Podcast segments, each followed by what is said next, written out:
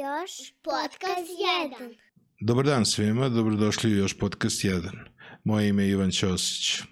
Želim da vas pozovem da ukoliko vam se dopadne ovaj video, da ga lajkujete i da se besplatite na ovaj kanal kako biste redovno dobijali obaveštenja o tome šta je novo na kanalu.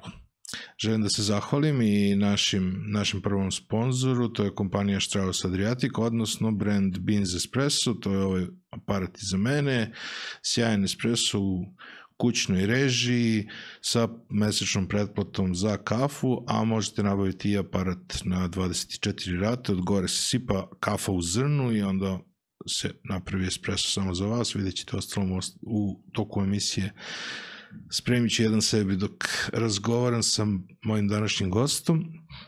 Moj današnji gost je moj prijatelj, dr. Milutin Kostić. On je psihijatar, radi u bolnici u Palmotićevoj, ja ne znam, novi naziv te, novi naziv te ulice. Kašaninova. Evo ga, ajde odmah da te uključim. Doktor Milutin Kostić, doktor psihijatrije, je li tako? U stvari, meni je to, to to bi bilo idealno da bude i prvo pitanje koje su tačno razlike između a, psihijatra, psihologa, psihoanalitičara, psihoterapeuta, kakve su neuropsihijatra, koje su to podele? Ono, ja mislim da je to negde za, za većinu ljudi je to negde jedno te ista stvar. Mislim, ok, možda postoji razlika između psihologa ili psihijatra, jasno među, među ljudima, ali za ove neke detaljnije podele Hoćemo počnemo od toga. A može. Ovo, pa, moram ti kažem da ljudi nisu skroz u krivu. Nije to baš toliko različito. Mm -hmm. To su mhm. te neke nijanse. Vjerojatno kad bi ja došao sad u tvom IT sektoru pa rekao nije, ne znam, Google analitičar, nego je Google marketing i meni bi to bilo sve jedno, a tebi je to nebo i zemlja. Tako i ovde, mislim, na kraju do istog, do istog nekog cilja se dolazi. Mm -hmm. Znači, psihijatar je lekar, mora da završi medicinu i on se bavi a, bolestima a, osjećanja, razmišljanja i tako dalje.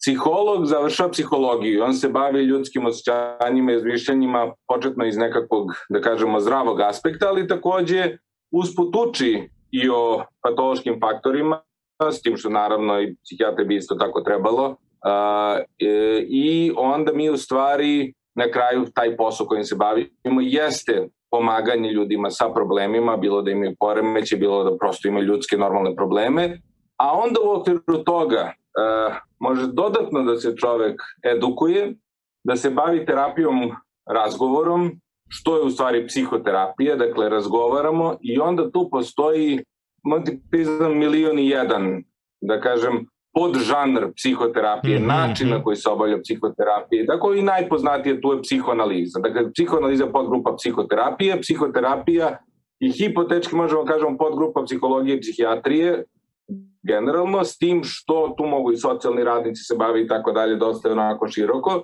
ali to je dakle razgovorom pomažemo čoveku u određenim aspektima. Freud je bio psihoanalitičar i to je onako najpoznatija, da kažemo, psihoterapija, ali umeđu vremenu ima brojne transakciona, kognitivno-behavioralna, da sad ne nabrajam sve, i onda se ljudi edukuju tim nekim aspektima i ovaj, pomažu kroz razgovor ljudima. Je, psihijatar je, da kažem, da nekako specifičan po tome što jedini može da prepisuje lekove.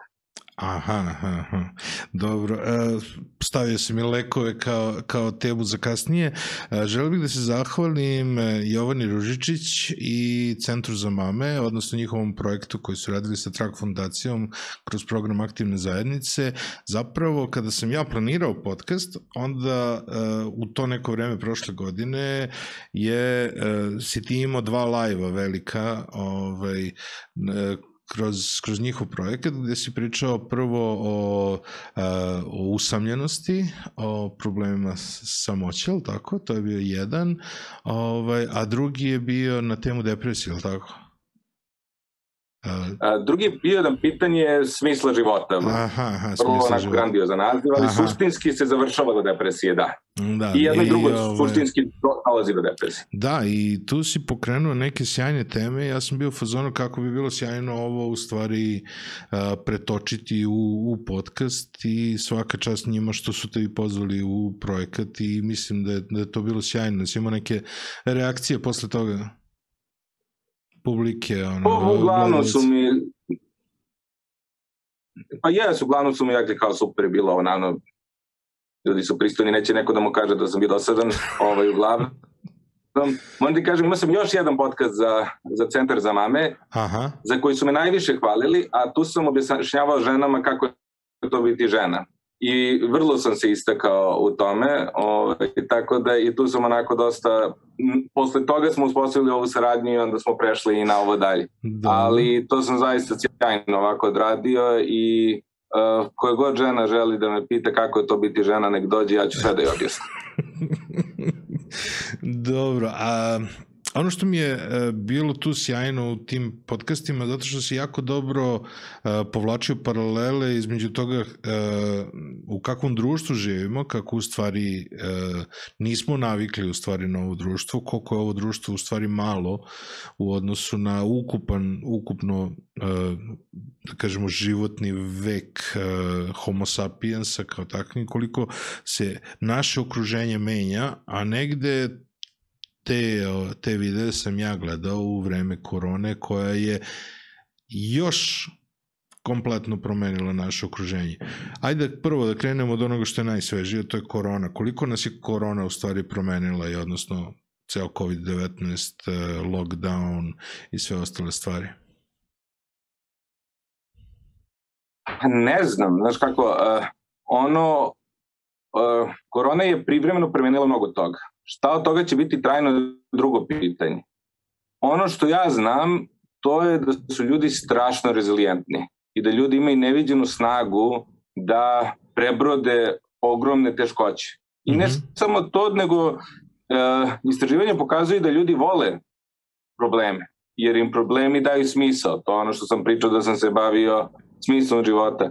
Jer je upravo jedan od problema modernog društva uh, jeste ta praznina, ta uh, potrega za konformizmom, za tim da nam je lepo u životu, a ne da za tim da imamo neki cilj, nešto da ostvarimo i da to čini mi se potpuno pogrešna poruka koja ide suprotno našoj prirodi. Mhm. I uh, zaista istraživanje pokazuju, na primjer, da broj samoubistava u velikom broju sveta, delu sveta pod karantinom pao u to vreme.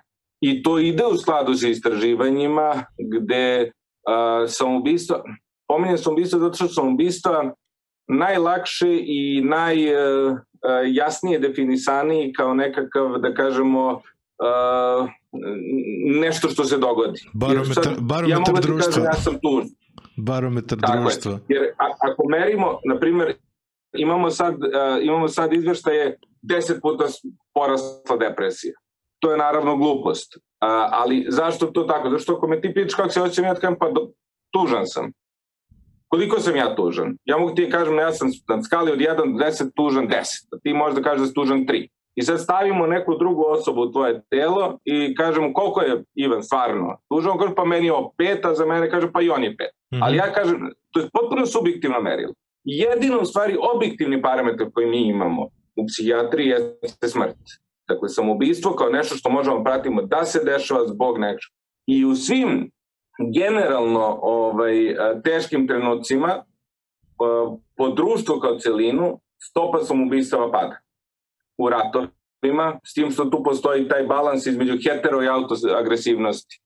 Dakle, a, društvo, to je jedna isto, te, da društvo koje vi imaju više ubistava, imaju manje samoubistava. Da je to jedan nivo ma, kulturološki na koji način se između oslog rešava problem. Ali e, najinteresantniji meni onako primjer je Severni Irske, gde su imali ira, ratovi sa teroristički napadi, desetine godina e, velikih nemira, ubistava i tako dalje. Kako je potpisan mir, nagao rast samoubistava koji je praktično po nekim računicama a, samo povećanje u stopi samoubistva u posljednjih 20 godina je premašilo broj mrtvih od sukoba u prethodnih 50. Dakle, to je ta jedna vrsta, ok, ubijamo se, ali znam zašto živim. I to je ono što pričamo, to je sad, ljudi stalno pričaju da li sam ja srećan, ja nisam srećan, nisam zadovoljan, zašto ja nisam srećan? Sve mi je okay, a ja nisam zadovoljan. I onda, to mi se, mi, mi kao ljudi smo prokleti jer ne shvatamo da nama nije potrebno dovoljno da nam se dešavaju, da nam se ne dešavaju loše stvari, nego nam je nužno da se dešavaju dobre stvari. I, nuž, I ne samo da nas dešavaju dobre stvari, nego da jurimo za dobrim stvarima, da imamo smisao. I onda kad vi kažete svi ćemo da pomremo i moramo se zatvorimo da sačuvamo naciju, onda se ja zatvorim i dosadom i ono, ali ja znam zašto to radim i to mi daje snagu. Ali ako sam ja zatvoren u kući, a ja nemam pojma zašto to radim, e onda nastupa, onda sam ja nesrećan, onda ne vidim smisao ni u čemu i tu nastupa onaj problem, ono što mi zovemo depresiju.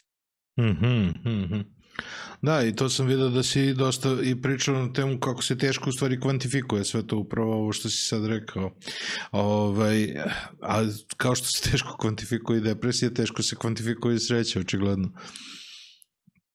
Ove, ovaj, reci mi, e, i tu si povukao jednu dobru paralelu o tome koliko u stvari, kažem, naše društvo koje je samo nekih poslednjih 200 godina, da kažemo, e, industrializacije, poslednjih 50 godina rapidne urbanizacije i ovaj, zahvaljujući tome sam ono, u pripremi za ovo probao sam stvarno da to, ovaj, da izvučem sjajnu paral, e, da izvučem koliko tu stvarno u brojevima, kada bi pravili zajedno ti ja infografik, 300.000 e, godina homo sapiensa i samo 5.000 godina pisane istorije, ono, zabeležene istorije, da. I onda imamo 2000 godina, samo 2000 od 300.000, znači 2 od 300, koja je ovo nova era, što bi se reklo, I od toga tek mali fragment, je 200 godina ove industrializacije i onda imamo 50 godina ovaj, rapidne urbanizacije i sad to je potpuno, potpuno ludilo da je recimo ono od e, kamenog doba do pronalazaka sledećeg alata nekog gvozdenog prošlo toliko vremena, a nama se alati menjaju u jednoj deceniji sada. Koliko to utiče na čoveka, na mentalno zdravlje?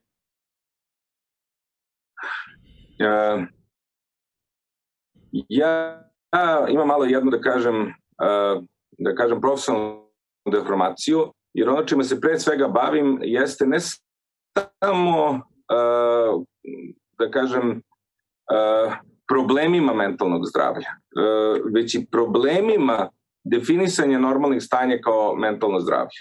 Mm -hmm. I onda kad kaže čovjek kako to utiče na mentalno zdravlje, ja se odmah naježim, jer tu automatski mi dovodimo čak i nehteći do jedne vrste patologizacije. Dakle, kako to dovodi do toga kako da se čovek osjeća je nešto drugo. E, moram da napravim digresiju da bi, da, da, da bi bio jasan čemu govorim. Mm -hmm. e, kada mi govorimo o zdravlju ili bolesti u fizičkom smislu, manje više stvari su prilično direktne. Odnosno, uh, ako me nešto boli, znači da nešto ne valja. Dakle, ako me boli ruka, verovatno nešto nije u redu sa njom. Ili sam je polomio, ili se iščašila, ili je mišić naprso, ili bilo šta.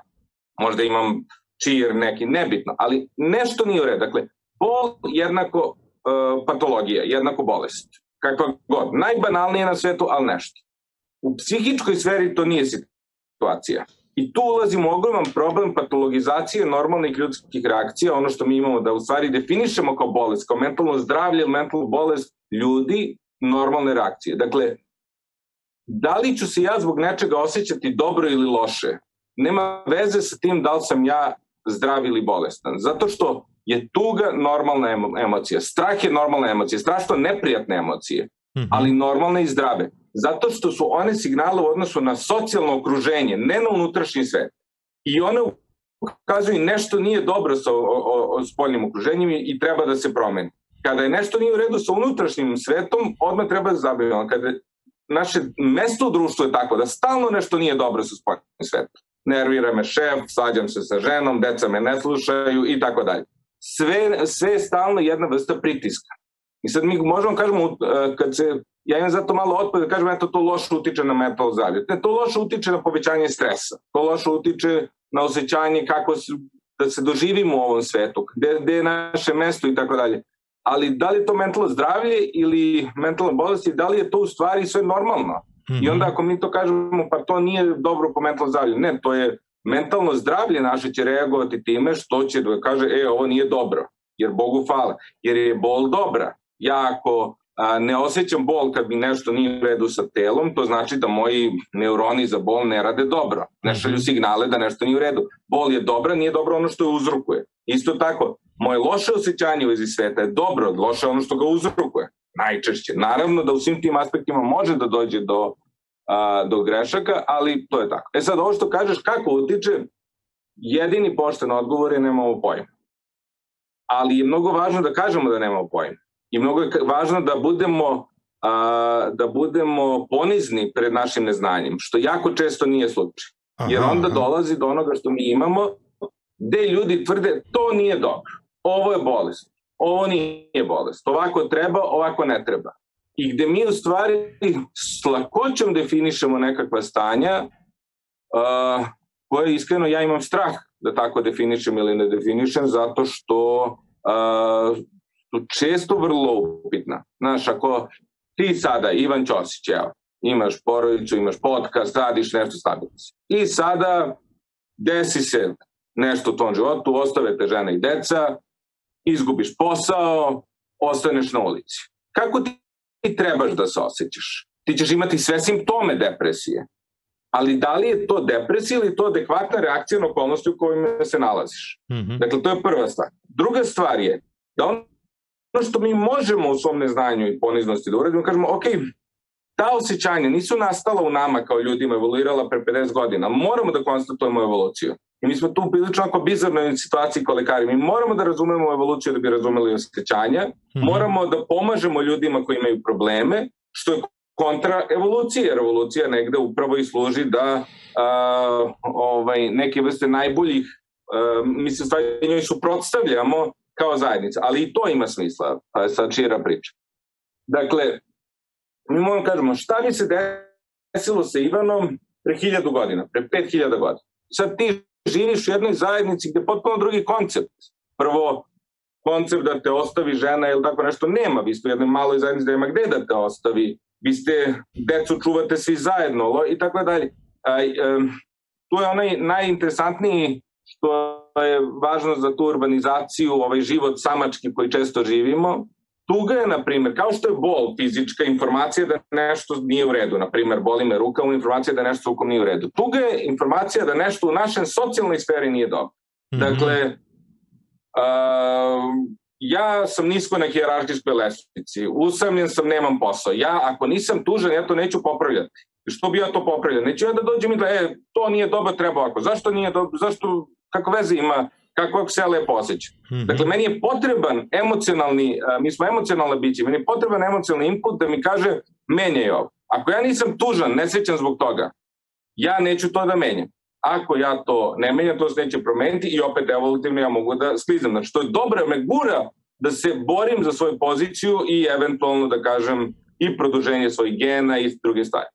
Ma da kažem, i to je sad, ali ajde. Uh, u svemu, dakle, uh, uh, tome, to je jedna informacija. Ali druga informacija što je mnogo važno, kako izgleda osoba koja je tužna? Ona plače, usne se spuste, mi odmah vidimo i mi imamo potrebu da pomognemo toj osobi. Dakle, ako ti mhm. sad uđeš kod mene u sobu i plačeš, ja ću doći zagledati šta je Brivane, kako mogu ti pomoći. Ali mene nema sad ko da zagrli, ja sam sam u četiri betonska zide. Tebe nema ko da zagrli, nego to je tako. Za veliki broj naših sugrađana. A, u zajednicama u kojima ovo što ti pričaš pre 30, 300, 50 hiljada godina, koji su lutala nomadske zajednice, porodice, male skupine, toga nije mogla da dođe. Nisi ti mogla da plačeš da, i da niko te ne vidi. I, kažem, imamo usađenu empatsku reakciju da pomognemo, zato što je svaki član zajednice važan. Mm -hmm. Mnogo je važno da Ivan pomogne u lovu. Jer ako Ivan ne pomaže, su nas pet, nas četvoro lovi i za 20% je manja šansa da ćemo loviti vepra. I hmm. meni je važno da dignem Ivana, da ga, pod, da ga podržim. A sada u gradu od milijon i po meni nebitno. Ivan može da ga ima i da ga nema. Grad ide, mi živimo. To je potpuno jedna druga dinamika. I sad što ti kažeš kako to uče nas, ne znam. Ali vrlo sam skeptičan da utiče na dobar način i zaista istraživanja pokazuju da mi imamo određene parametre koje merimo koji u malom vremenskom periodu koji, da kažem, posto nauka toliko traje, 50 godina, na primjer, određeni parametri skaču nezadovoljstvo. Mm, imamo mali prekid u vezi. Dobro. Inherentno ljudska i da je ta naša kontinuirano nezadovoljstvo naš pokretač, da smo zato i došli ovde ovako da pričamo prvog ovog čuda, upravo zbog tog kontinuiranog nezadovoljstva, što nam nikad nije, nije ništa dovoljno. Mm -hmm. uh, ali to nezadovoljstvo ipak možda u određenim okolnostima možda bude malo manje. I da mi ipak dolazimo do jednog praga gde zaista preteran, prevelik broj ljudi a, ima, ima ono što bi mi nazvali preveliko količinu nezadovoljstva depresivnosti i zbog urbanizacije usamljenosti, pre svega usamljenost, zatim kapitalizam, ta jedna vrsta stalne trke, nejednakost, mi apsolutno imamo dokaz da je nejednakost ta koja stvara nezadovoljstvo, depresivnost. I onda ovo što ti kažeš, i zato je korona s jedne strane onako vrlo paradoksalna. Korona je a, napravila jednu vrstu, a, vrstu podla. Ona je s jedne strane oduzela taj socijalni život velikom broju ljudi mm -hmm. i mhm. to je učinilo da se loše osjećaju, posebno mladi, a s druge strane mnogima je dala jedno osjećaj zajedništva, osjećaj smisla. Svi smo mi u ovome, prolazimo kroz jedan istorijski trenutak svi zajedno, svi moramo da damo deo, na, i to ljudima znači. To ljude lako pokrene, lako im da energiju. Sećaš se kako je bilo kad je Obrenovac poplavljen. Koliko ljudi je pohitalo po kiši, po ome da stavlja, stavlja džakove. Znači, ta osjećaj nešto... I, i, tako da je dvojako, ali ja očekujem da će, nažalost, a, kako se smiri, da stvari budu još gore. Zato što je nejednakost još više porasla, Siguran sam da će veliki broj ljudi imati probleme da se izvuče iz uh, izolacije, jer se određene i navike izgube i tako dalje, atrofija mišićina od nekretanja. Mm -hmm. Dakle, sve to utiče i mislim da će tu nastupiti pravi problem i tek kad prođe, a nažalost kapitalističko društvo u kojem živimo je potpuno uh, odcepljeno od brige na taj način o čoveku i tu smo svi prepušteni sami sebi, a nisam siguran da veliki broj ljudi ima snage da to nadomesti. Mm -hmm. a, a društvene mreže, e, imam utisak kao da da tu imamo jedan drugi problem, a to da ti kad izađeš iz svog prostora, ti moraš da obučeš sjajni, ono, shiny armor i odnosno, ono, da, da navučeš najbolju verziju sebe uh, i da izađeš u javnost. Jer uh, svuda smo nekako ta zajednica o kojoj pričaš, koja je znala da prepozna kada ti je loše, tvoja porodica uvek zna da, da prepozna kada ti, kada ti je loše, tvoji bliski prijatelji, ali nekako imam utisak da ti sada kada izađeš u javnost u ovim urbanim sredinama i u ovim urbanim prostorima, nekako uh, koliko god da, da si tužan, ti opet želiš da, da pokažeš da nisi, da si najbolja verzija sebe. I imam utisak da tu isto se pravi, ovaj, pravi problem s vremena na vreme. A, uh, I to je jedan deo naš problem sa ljudskom psihologijom jeste što ništa nije crno-belo i sve i ovo i ono. U isto vreme ja mogu da budem i srećan i tužan. I e, ovo o čemu ti pričaš je isto potpuno normalno. Jer mi jesmo u isto vreme i s jedne strane i u nekoj vrsti kompeticije sa drugim ljudima da se što ti kažeš, pokažem da sam dobro. Neću svakome da pokažem moju slabost, jer mnogi hoće da iskoriste. Mm -hmm. To je mhm. opet prirodno, mi smo u kompeticije. Hoće da dobije najboljeg partnera, ko će najbolje više da napreduje hierarhijskoj lestvici i da koristi te trenutke slabosti.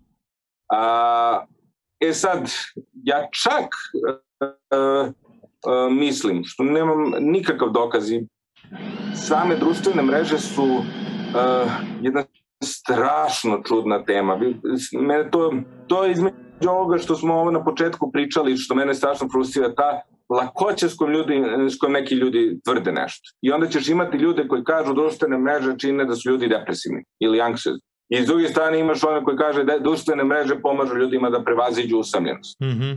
I sad, niko ne kaže i jedno i drugo može da bude tačno. Mi ne znamo, zato što je, iz, kako to izračunati? Metodološki da ti napraviš istraživanje koje će to da izračuna i gotovo nemoguće. Ali potpuno gotovo nemoguće. Mm -hmm. Drugo, te postoji i, i aspekt karaktera. Imaš ljude koji će možda na jedan način da reaguju, drugi koji će na drugi način da reaguju. Naprimjer, da. neka istraživanja pokazuju da moguće da društvene mreže imaju negativni uticaj na devojke, žene, nego na muškarci. Jer su možda one sklonije toj vrsti vizualne komparacije u određenim aspektima. Ali to je, to je, uh, kažem, normalno i ne treba svako da vidi naš slabosti. Postoji jedna interesantna, uh, to sam pre par godina slušao, s jedne strane imamo tu mačističku patrijarhalnu sredinu. Mm -hmm. Ono što je uh, Englez zove stiff upper lip. Čuti i trpi i nemoj da pokazuješ drugima da ti je teško. I sad, moderni ti psihološki trendovi kažu, e, zato što ljudi sabijaju i sabijaju, onda nastaje na, ne, neuroze, napetost, depresija i tako dalje, onda ne, ne kažu nikom da im je loše, nego odu i ubije se. Mm -hmm. Što je vrlo verovatno za određen broj ljudi tačno. Ali da li je za sve tačno? Da li je nekome dobro da se pričuti i kaže, ma neću nikom da kažem.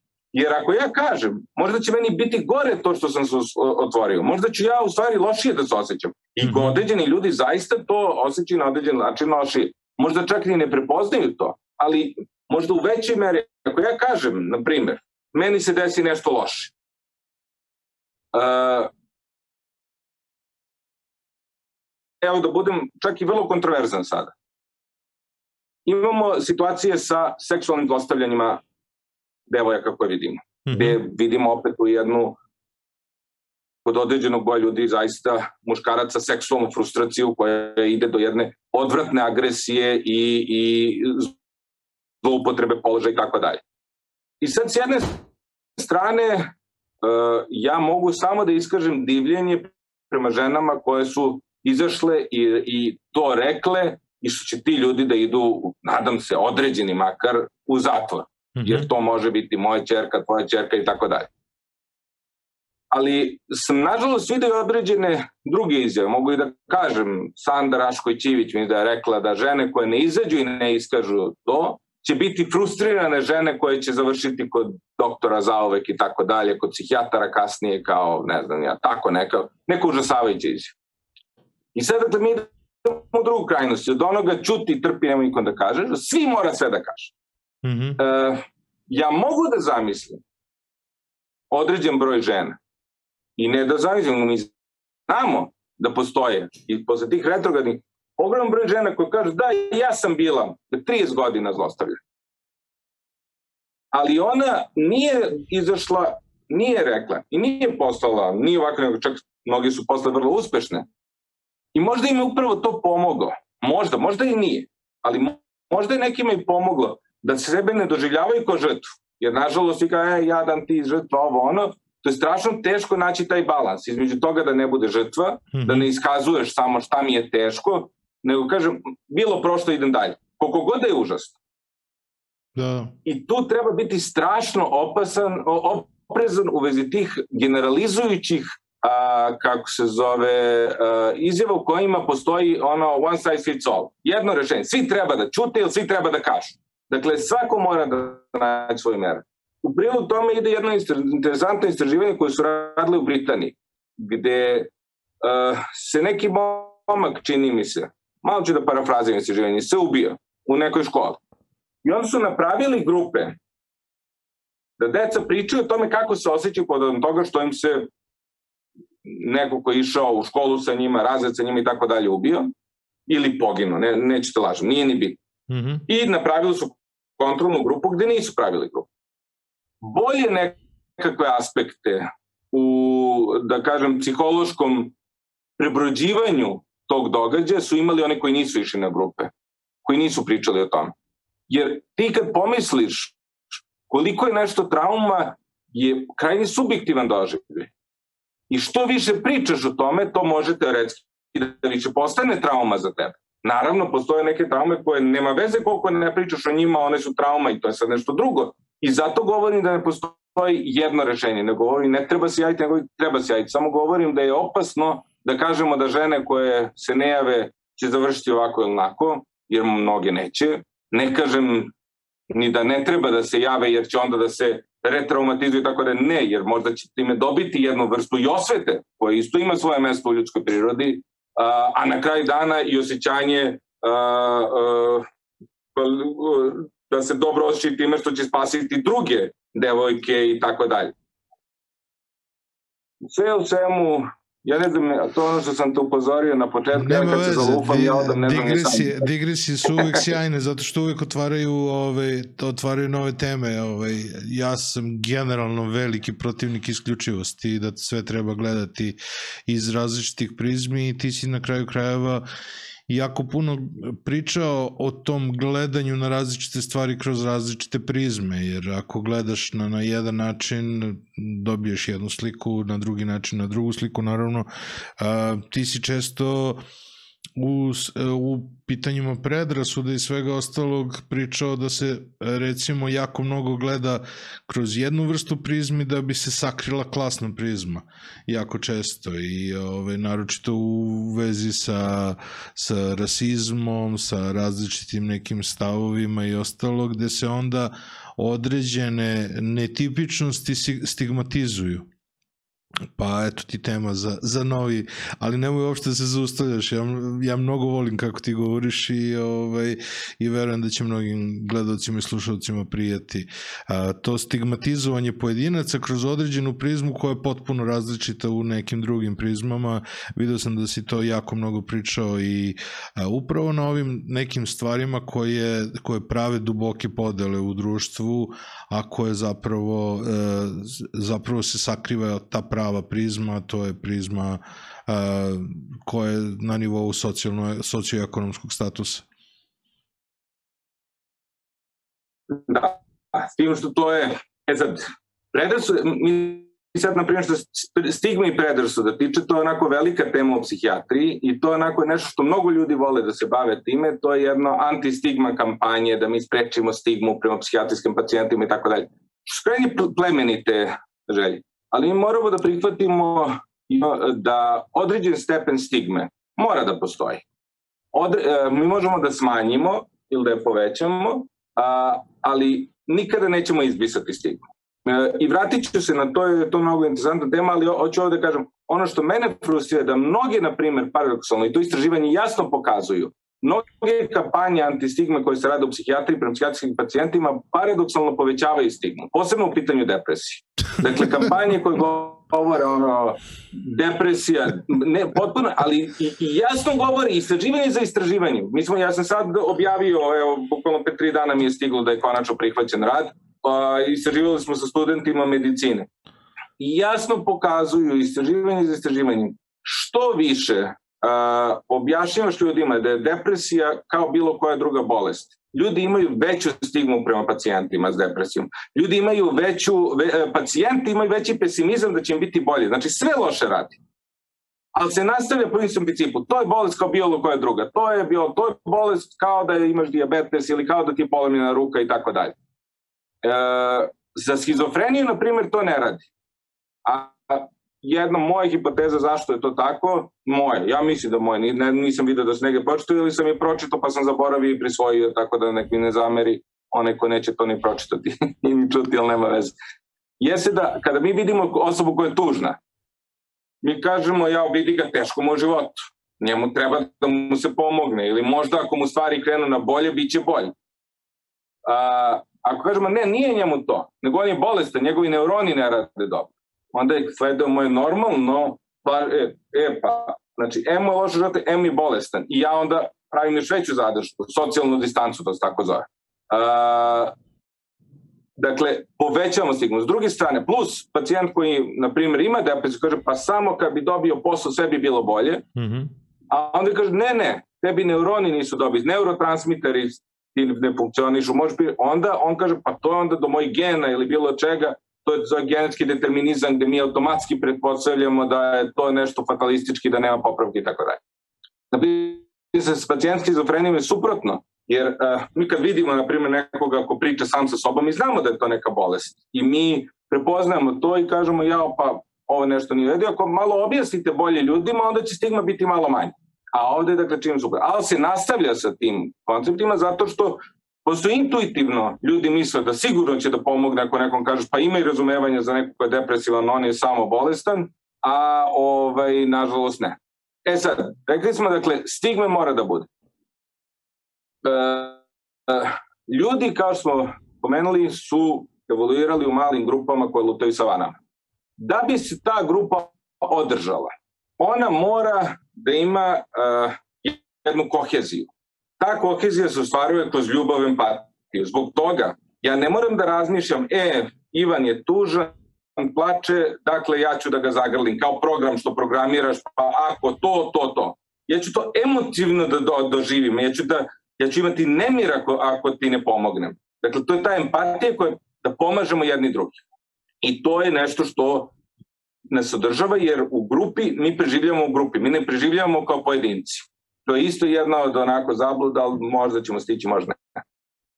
Ali isto šta nas štiti, e, šta pojačava tu ljubav i mržnja prema drugima. Mi smo divni, a ono drugo pleme, oni su odvratni i treba da ih pobijemo.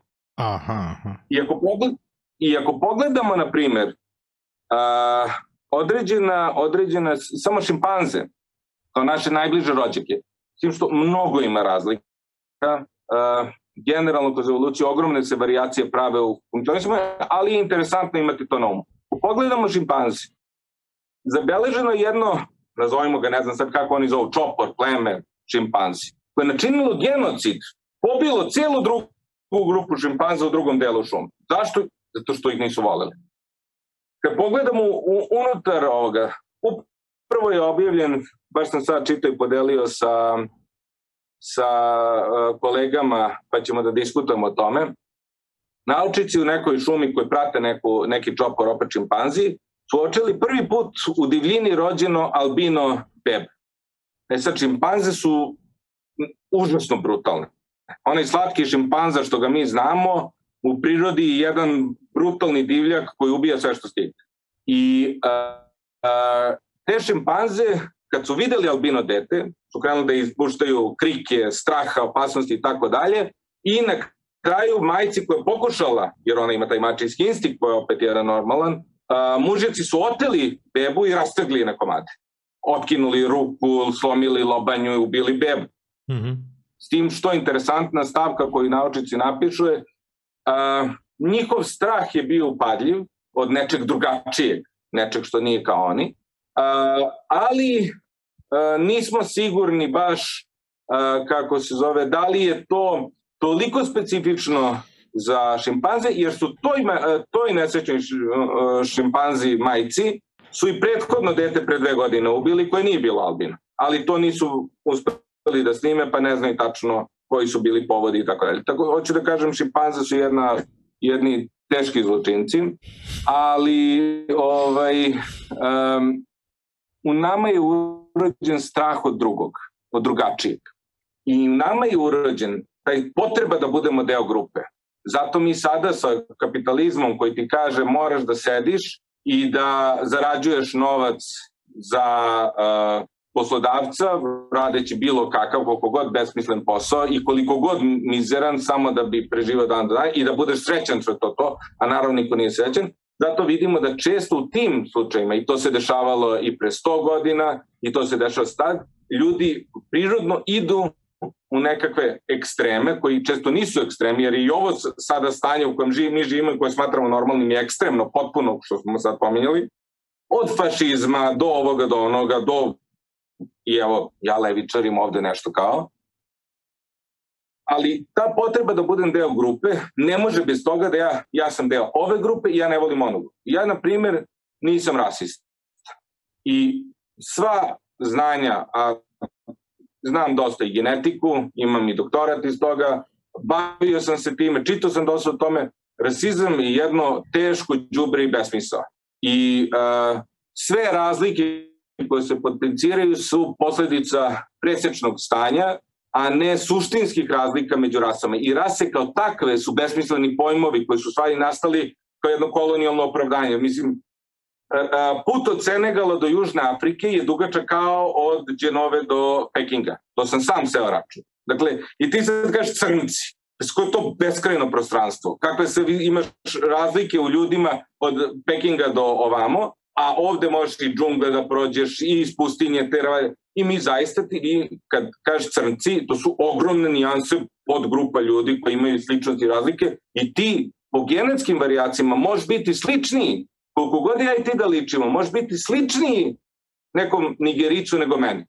Geni koji ćemo ja i ti imati slični, možda za boju kose, boju kože i tako dalje, će biti specifičniji u tom smislu. Ali ti možda imaš neke druge koji će utičati na behavioralne uh, karakterne aspekte i tako dalje, slični s nekim nigericima. Mm -hmm. Dakle, to je jedna besmislena podela uh, sam po sebi. No, ono što ljudi najviše vole je ono da kažu, eto, IQ, kao crnci su gluplje belaca.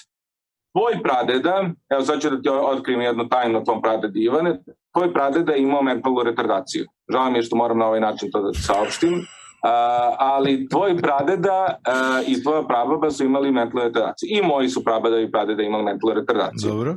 To se zove Flinov efekat.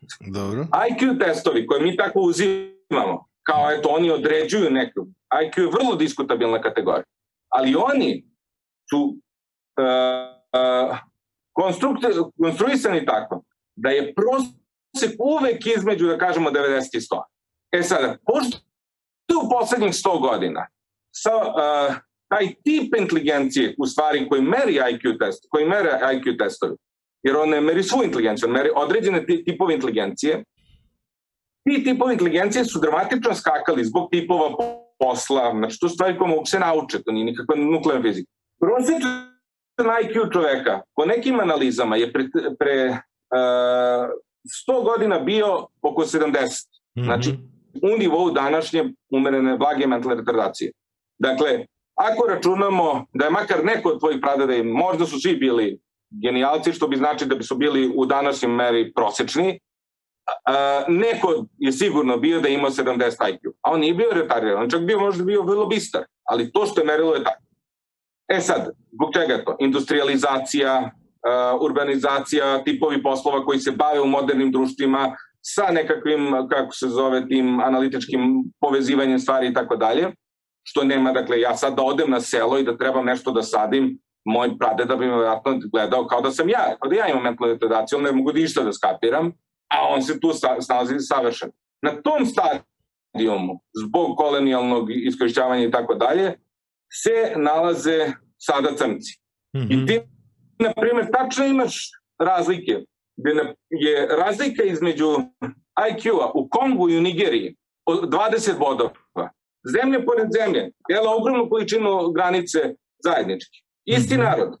20 bodova. Zašto? Zato što je Kongo jedna presiromašna nazadna zemlja. Nigerija je među najbogatijim afričkim zemljama s ogromnim rezervama nafte i tako dalje.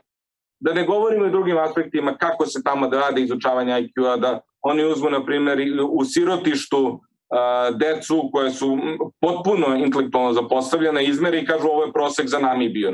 Mislim da je to slučaj u Namibiji bio. I, ali naravno, ta vrsta jednog rasizma je nama često strane, mi ne možemo da skapiramo koliko je to u tkanju zapadnog čoveka i onda naučnici koji su ceo život onako živeli sa tom nekom idejom od svojih roditelja, deda, baba i tako dalje, imaju strašnu potrebu da, da isforsiraju da je to zaista crni čovek nevalj. E sad, da se vratim na tu digresu. Ja zbog toga svega ne podnosim uh, rasizam. Ali meni nije dovoljno da ja sada volim crnci, na primjer. Ne volim, isti su ljudi koji su im ni drugi, niti volim, niti ih mrzim. Ja sada moram u to da idem da ja mrzim antirasiste. Uh, rasiste. Dakle, ja opet se stavljam u jednu vrstu sad svoje hipotetičke grupe, mi antifašisti, antirasti, šta god da su. I onda ja njih mrzim. Dakle, ja ne mogu da potpuno kao je to, ono, kumba ja ljubav sam. Agresija, konflikt je u osnovi ljudskog bića, u osnovi evolucije. Nema evolucije bez, bez konflikta. Kad pogledaš svaku vrstu sisara, skoro svi se mužjaci ubijaju kad god stignu koliko god mogu. Jel tako? Mm -hmm. Kad je, se bore za ženke jeleni nemaju rogove da budu lepo, lepi, nego da probodu svog, oni nežni, simpatični jeleni, nego da probodu svog protivnika. Dakle, ta jedna vrsta, vrsta agresije koja je na grupnom nivou je nažalost deo nas i onda mi stalno moramo da imamo potrebu da prvo nekog obeležimo kao drugačijeg, lošijeg, gore od nas, na bilo koji način. Ja mogu da mislim da je moja podela ispravna, što ti kažeš, eto, ili na klasnom nivou. Ja volim sirotinju, ne volim bogataše, jer bogataš... Ali ja moram nekoga da mrzim i nekoga da volim. Ja ne mogu da, eto, kao sam samo volim, a neću nikog da mrzim. To su pokušaj koji mislim da su onako protiv e, prirode. Da, to mi je, a, a naravno kažem... To mi je bilo najfascinantnije ono pitanje kao da li je to da treba zabraniti fašiste takođe fašizam. Kada kažeš treba zabraniti fašiste, da li je to zapravo isto fašizam? Ovo što si pričao o zajednici mi je jako važno zato što sam pratio uh, par godina za redom su bile studije na temu ljudske dugovečnosti i uh, bilo je Harvard... A nije on fašista. Nije on fašista, on samo tako mislio. A, a pa, ok, imali smo mali problem sa, sa signalom. Uh, ajde da, da ponovo počnem sa pitanjem. E, dakle, kada smo pričali o dugovečnosti, uh, tu mi je interesantno jer ja sam pratio uh, određene studije. Bila je ona najduža Harvardova studija koja je počela 38. o dugovečnosti i bio je jedan sjajan tekst, sjajan deo u Outliersima Malcolma Gladwella koji je uh, pratio jednu zajednicu, italijansku zajednicu, uh, grad u Americi, gde su ljudi prosto umirali u starosti od starosti koji se nisu razboljevali i slično i pronađeno je dakle u Harvardovoj studiji da upravo pripadnost zajednici i broj konekcija koje ljudi imaju u životu nekih smislenih veza sa ljudima, a konkretno ovde u ovoj e, zajednici u, u Americi o kojoj je pisao Gladwell je to da su upravo ljudi pomagali jedni drugima, brinuli se jedni za druge, nije bilo toga da je neko na ulici zato što kada neko nema jedni drugima su pomagali i ovaj, upravo je to nešto što je e, proizvelo njihovu dugovečnost. I sada kada pričamo o svemu ovome nekako mi deluje kao da je sadašnje društvo zapravo sušta suprotnost svega toga. Da sve manje vremena imamo za druge, da sve manje imamo tih nekih smislenih konekcija. Zato sam te u startu i pitao vezano za koronu, zato što imam utisak da je ona neka komunikacija i prijateljstvo sa posla ostalo kao barem jedna, jedna vrsta socijalizacije koje, koju imamo i onda da, da, li smo, da li je zapravo gubitak svega toga proizveo neke, neke probleme koji se, koji se dešavaju?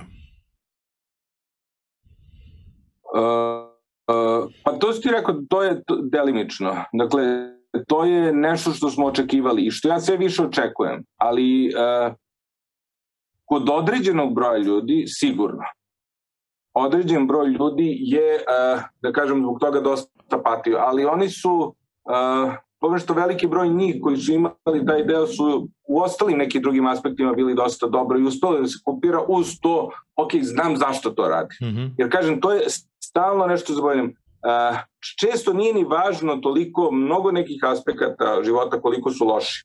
Ako znamo zašto su loši. Zato imaš ono, one priče o svecima ili ljude koji po 30 godina, Nelson Mandela 30 godina u zatvoru. Kad ti znaš zašto ti nešto radiš, ti onda tu patnju lakše, uh, lakše nosiš. Kad ti ne znaš zašto nešto radiš, onda ta patnja je besmisla. E sad, te konekcije, gubitak njih, ja mislim da će to sve dublje biti i dalje, a to nije samo, kažem, zbog korone, jer to je nešto prosto čemu društvo kao tako teži. Uh, slažem se da delimično taj uh, interakcije na poslu pomažu. Ja znam da je moja supruga jedva čekala da se vrati na posao. Ove, nije bilo mnogo, mnogo zanimljivo da sa mnom provodi baš cel, svaki dan, ceo dan. Mislim da sam u nekom trenutku počeo da ih dosađujem, što me meni šokantno prosto, ovaj, da ja nekom budem dosadan. A, ali, ali jeste važno ali nisam siguran da je to dovoljno. I mislim da će nastaviti da, da ove stvari dalje pucaju, jer je sistem takav da te tera u jedan besomučan rad, preterano provođenje na poslu, previše okupiranost tim stvarima. Čak je pitanje da li i ova, da kažem, nuklearna porodica ja, žena, deca, da li to negde skroz prirodno? Jer ko što znamo, ni tako nismo ga, mi smo bili devećih zajednica. Znate, kad živiš u savani, eventualno imaš kolibu do kolibe, nije to, nema tu nikakve prevetrane intime. To, tako su prvi ljudi nastajali, to su Dobro, geni koje mi dalje u sebi imamo. I za naše porodice ne moramo ići dalj, daleko do savane, mislim do pre 20-30 godina su uglavnom porodice živele u nekim većim zajednicama.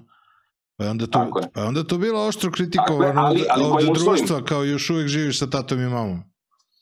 Ali, A... ali, ali da, ali u kojim, kojim okolnostima? Jer nije isto ako živiš u gradu u 50 kvadrata s mamom i tatom, ženom i decom, i ako živiš, razumeš, eventualno u selu, kuća do kuće, ovako, ovako, tu onda već postoji jedna širina koja je ipak, uh, uh, ipak umoće. Naravno i tu, mislim, tu se, ne postoji jedna, jedan linija gde mi možemo da ispratimo odavde smo krenuli i dotle smo došli. Jer u isto vreme se događaju, na primer, i ženska prava.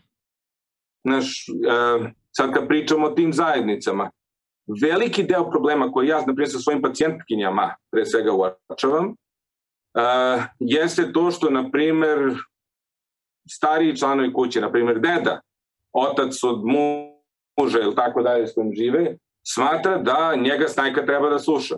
On kaže, pa ja sam slobodna žena, imam ja pravo da radim što hoću. I onda imamo i tu vrstu, su ogromne količine promena što smo sad malo pomenuli, a to, tu nismo ni dotakli, ona je isto onako neverovatna mm -hmm. promena da žene počinju da rade, žene počinju da imaju svoj glas, znači to je nešto što minimum 2000 godina nije bio slučaj, a verovatno i mnogo duže. I Bogu hvala da je tako, ali mi moramo da shvatimo da su to turbulencije koje mi ne razumemo. I opet, ne postoji nešto što je samo, ne postoji nešto neki idealan put koji ćemo mi da nađemo i bit će super. Nekome će nešto više dogoditi, nekom nešto manje. I ja moram da kažem da verujem da postoji i znam da postoje žene koje bi sigurno bile zadovoljnije u starom sistemu. Ne zato što su one gore, neemancipovane ovako. Možda je njihova prosto genetika takva da je određene, jer to je i među muškarcima tako. Mnogim muškarcima je lakše da ima, da slušaju naređenje i da ne, ne razmišljaju mnogo i da imaju određenu ulogu, pa im ne treba puno slobode. Isto tako i sa ženama. Jer je sloboda može, ovaj, što kaže, da li će sloboda umeti da peva ko što su sužni pevali u njoj. Sloboda je strašno teška. Ona je, zašto je teško da ja sam moram da odlučim šta je to za mene, za moju porodicu, šta ja to želim. Ne znam šta želim. Posebno u današnjem svetu gde mogu sve, a ne mogu ništa. Jer opet sam limitiran nekim ne toliko očiglednim ogradama, ali ipak postojeći.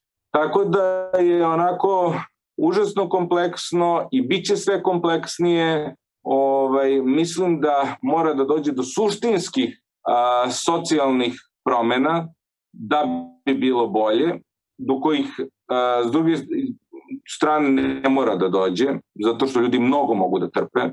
Ko što znamo, robovlasničko društvo je trajalo hiljadama i hiljada godina i ljudi su to posto prihvatali kao normalno, uključujući i robove. E, tako da promene kod ljudi ne moraju nužno da dolaze zato što su potrebne ili zato što su prirodne, nekad prosto one dođu kad, do, kad im dođe vreme. I možda ćemo mi živeti u kapitalizmu sa ovakvim sistemom koji za zaista verujem većinu ljudi je neprirodan i štetan uh, još hiljadama godina možda će i za 30 godina da bude komunistička revolucija, ali ne znam, prava. Ne govorimo o ovoj sovjetskoj, nju ne računamo. Nju su oteli, nju je otela crvena buržuazija i diktatori i to se ne računa.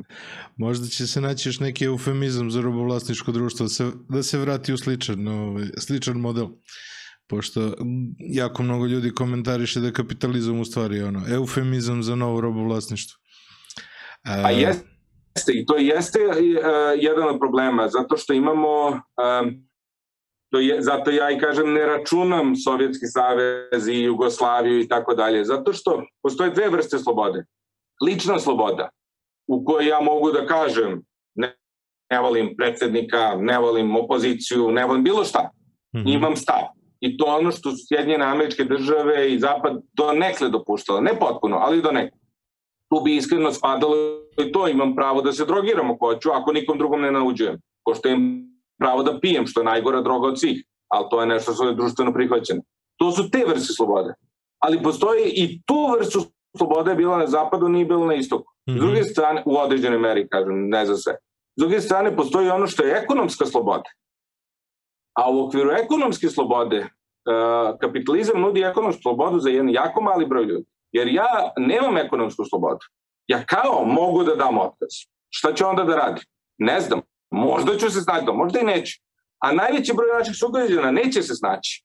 Na, snaći će se IT-evci, snaći će se eventualno određen broj lekara, čak ni nas ima sad malo previše, ali većina ljudi mora da radi šta ima i to ovo što ti kažeš, to jeste neka vrsta robovlasništva. Jer ja, i ono što ja vidim, mi smo radili jedno malo istraživanje koje ne bih smeo ni da citiram ili metodološki dosta loše, ali smo dosta upadljiv dobili rezultat. Da je pre 10 godina glavni razlog zašto su, a to je sad neka tranzicija, nešto mi vidimo, glavni razlog zašto su se ljudi javljali kod psihijatra bilo zbog porodičnih problema, ličnih problema i tako dalje, besparice ili bilo šta, a da je sada dramatičan porast problema na poslu. I to ono što mi vidimo. Jer to više nije samo eto šefovi se ponašaju zaista kao prema roblju prema svojim uh, zaposlenima. Deru se, znaš, odrasli, misli, sad neko dođe i dere se na tebe zato što si mu ti podređen. To sluči potpuno sumanuto. Masa, ali masa mojih pacijenata se svakodnevno suočava s njim. I onda dolazimo do one patologizacije, onda kažem, e, znaš, ti si, ti si bolestan, imaš depresiju jer ti, tebi nije super što se te šef svaki dan dere na tebe. I to jeste, kažem, nažalost, nema tu slobode, to je ekonomska sloboda, tu nedostaje. I zato nam treba društvo u kome će biti obe slobode. Mm -hmm. U principu tu sloboda postoji samo pod uslovom da ti možeš da se okreneš i kažeš ja ovo neću da trpim i da uzmeš i da odeš. Tako je. A, ove, a reci mi, ajde sad uh, to zašto se ljudi javljaju psihijatru. Ajde sad mi, mi reci onako uh, iz uh, kako to zapravo izgleda i znam da je da je to sve više i više rašireno ovaj ne rašireno nego prosto postaje uobičajeno u, u kod nas u, u društvu da se ljudi javljaju psihijatru međutim i tu postoji jedna stigmatizacija ovaj koja je veoma ozbiljna i uh, koji je najbolji način da čovek koji želi da unapredi svoje mentalno zdravlje uh, da da pristupi svemu tome, kako da pronađe psihijatra, kome da se obrati, a, za nekoga ko, ko ima utisak da bi mu to možda pomoglo u životu, koji je najbolji put da, da on prođe? A, opet postoje Znaš, kad kažemo psihijatrija, mora da razumemo šta mislimo. Jedno je ako ja hoću da, da se javim kod psihijatra zato što imam utisak da mi jure vanzemaljci, a drugo je ako hoću da se javim kod psihijatra zato što sam nesrećan. A treće je da hoću da se javim kod psihijatra zato što sam nesrećan i hoću da se ubijem zbog toga.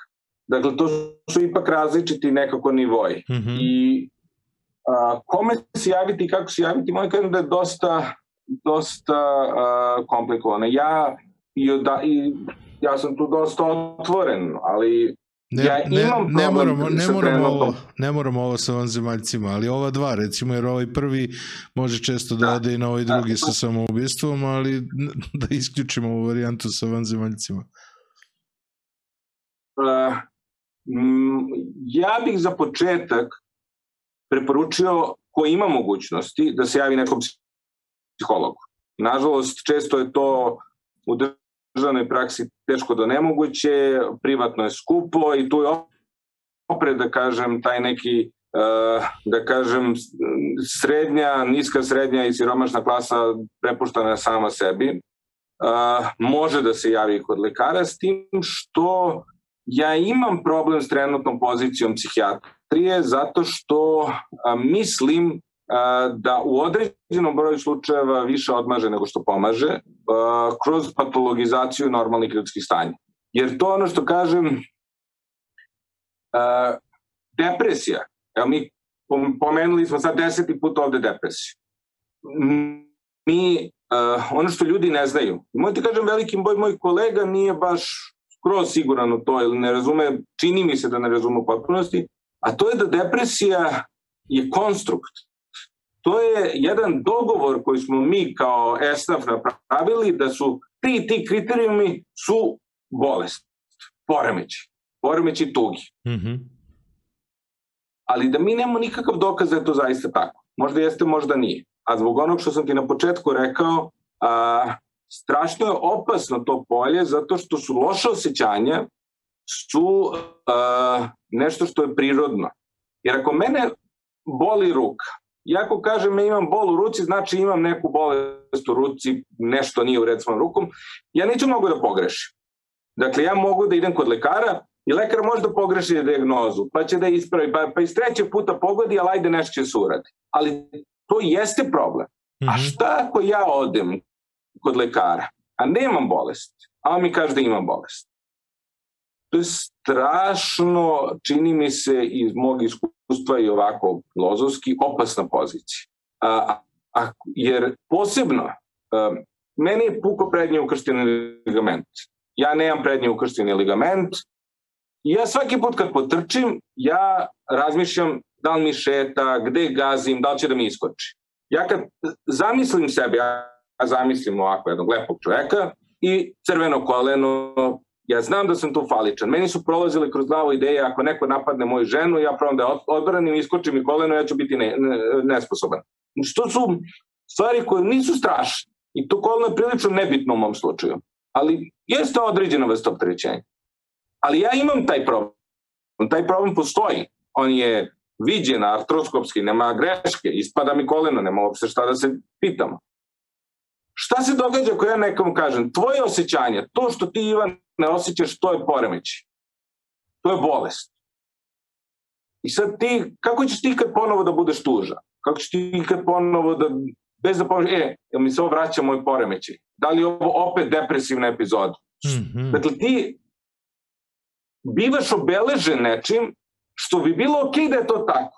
Jer ako ti imaš depresivni poremeć ti trebaš da budeš toga svestan da bi moglo da eventualno se reči ili ovo Ali je istina da mi ne znamo da li ti imaš neki poremeć ili to adekvatna reakcija. To zovu lažno, pozitivni, lažno, negativni. Dakle, a, a, osobe koje ćemo mi da kažemo lažno da, da, da ima poremećaj, a da nema. To se prosto dešava u tim stvarima Ali ovde imamo veliki problem jer možemo veliki broj ljudi da uključimo i zaista su je rađeno na tome da što veći broj ljudi traži pomoć. A problem je što uh, psihološka pomoć je strašno teška da se dobije, to smo već pričali, nije ni ona 100% efikasna. Jer mhm. možemo ja i ti letnji dan do podne da pričamo o tvojim osjećanjima i kako se ti osjećaš kad te, ono, ako ti šef govori da si đubre, i dere se na tebe, a ti ne smeš ništa da mu odgovoriš zato što ćeš da dobiješ otkaz, a ne smeš da dobiješ otkaz. Dokle god mi možemo pričati koliko god hoćeš po tome, ti kad odeš, normalno je da budeš nesrećan čoveč, ovaj se i dalje dere na mene. Nema te tog zena u koji ćeš ti da uđeš i da ti bude sve jedno zbog toga. Uh, s druge strane, antidepresivi kao lekovi imaju vrlo malo efikasnost. I to je nešto što je isto važno, a što kažem, nekako se ne uzima. Oni imaju 2% na skali od nekih 44 boda, čini mi se. Od prilike. To je skoro pa zanemarljivo. Klinički to je vrlo upitno da li ima značaj. Ogroman broj ljudi koji, koji uh, se leče sa uh, antidepresivima, samo od sebe im prođe depresija. Ali problem što oni kažu, a, evo ga, znači, meni je bolje ako jedan uzima, uzima antidepresiv, znači, zbog njega je. I onda nastavili da ga uzimaju. Su, su nas i učili, mene su učili minimum šest meseci da se navrati epizoda. Sad mi je to odjednom se povlači, pa možda smo se izgledali, možda i ne treba baš toliko, možda možemo tako da napravimo neke promene koje ne treba. Svi znaju, ja, ja kad čujem priču o serotoninu, meni se onako stegne stomak. Ljudi, serotonin, hormon sreće, vratno si čuo, si to da, da. govore, to je jedna isto bila jedna vrsta marketinga. Nema dokaza, nema uopšte dokaza. Mi ne znamo da li je poremećen. I najverovatnije kod najvećeg broja ljudi serotonin nije poremećen uopšte. Ali mi ga onda remetimo. Ako on nije poremećen, a mi mu dajemo nekome leku, onda mu mi remetimo serotonin. Šta se onda dešava? A čak i da ima neke promene u serotoninu između depresivnih i nedepresivnih. Zbog ovoga što ti rekao filozofski, da li je to normalna reakcija, to ne mora da znači da je to odlika bolesti. Ako ja sad kažem nešto tebi, Mm -hmm. I ti se rastužiš, kažem ti neko tužno vest, i ti se rastužiš. To nije magija, nešto će se desiti u tvojoj glavi. Naprimer, smanjit će se serotonin. Mm -hmm. uh, ali nije smanjenje serotonina uzrokovalo tvoju tugu. tužna vest je uzrokovala tvoju tugu. Serotonin je reakcija na tužnu vest. Tako da a, tu ne, ne, ne mora nužno da bude ni to, nije ni to dokaz samog poremeća. Mi moramo prvo da vidimo gde je uopšte, da li postoji depresija, uh, u kom trenutku kako. I zaista ti kad vidiš neke ljude sa teškom depresijom, mm -hmm. ja, ja moram da ti kažem da onako sam vrlo skeptičan da tu nije došlo do nekog poremeća nečega. Ali takvi, kojih ja ne znam kakav je, a to je opet moguće da nisam u pravu, i intuitiv, to je čisto intuitivno, nema dokaza medicinska. Ali za ogroman broj ljudi ja mislim da je to prosto jedna ljudska priča u kojoj a, ljudi pate i imaju problem. I onda normalno reaguju na loše okolnosti. Ako ja a, nisam tužan kad se tužne stvari dešavaju oko mene, onda nešto nije dobro sa mnom. Kako doktor pomaže u toj situaciji? A, to, tu sam, tu sam ti krenuo. Moj problem jeste što mi se čini da je psihijatrija mnogo otišla u patologizovanje određenih normalnih stanja i da se prečesto prepisuju lekovi. I ja o tome govorim i pričam sa kolegama i negde pokušavam da uh, čujem i njihovo mišljenje, ali nije to samo mišljenje. Mm -hmm. Možemo mi da mislimo svašta. Uh, moramo da se zastivamo na nauci.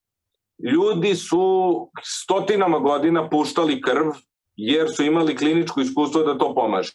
I onda meni isto neke koje kaže pa imam kliničko iskustvo da uh, kada dam antidepresiv osob bude dobro, bolje. To nikakve veze. Jer to ono što ja zapamtim. Ono ko me nije pomogao, ja neću da zapamtim.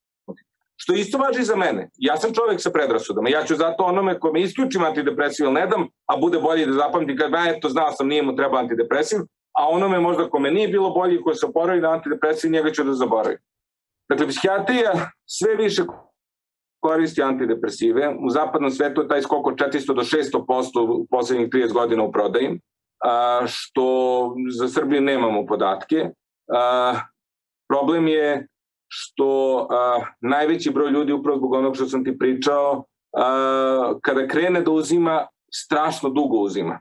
A sada imamo i podatke o tome da može da se naprave abstinenциjalne krize, da ljudi postanu de facto zavisni, iako to ne doživljavaju na taj način, kad im se ukine antidepresiv, da imaju depresivnu epizodu, ali ne zato što im taj lek treba, nego zato što je upravo onom izmenom mm -hmm. celokupne arhitek ovaj, neurotransmisije u mozgu višegodišnjim ili višemesečnim uzimanjem antidepresiva se nešto poremetilo i naglo ako ih učite vi možete da dovedete do problema.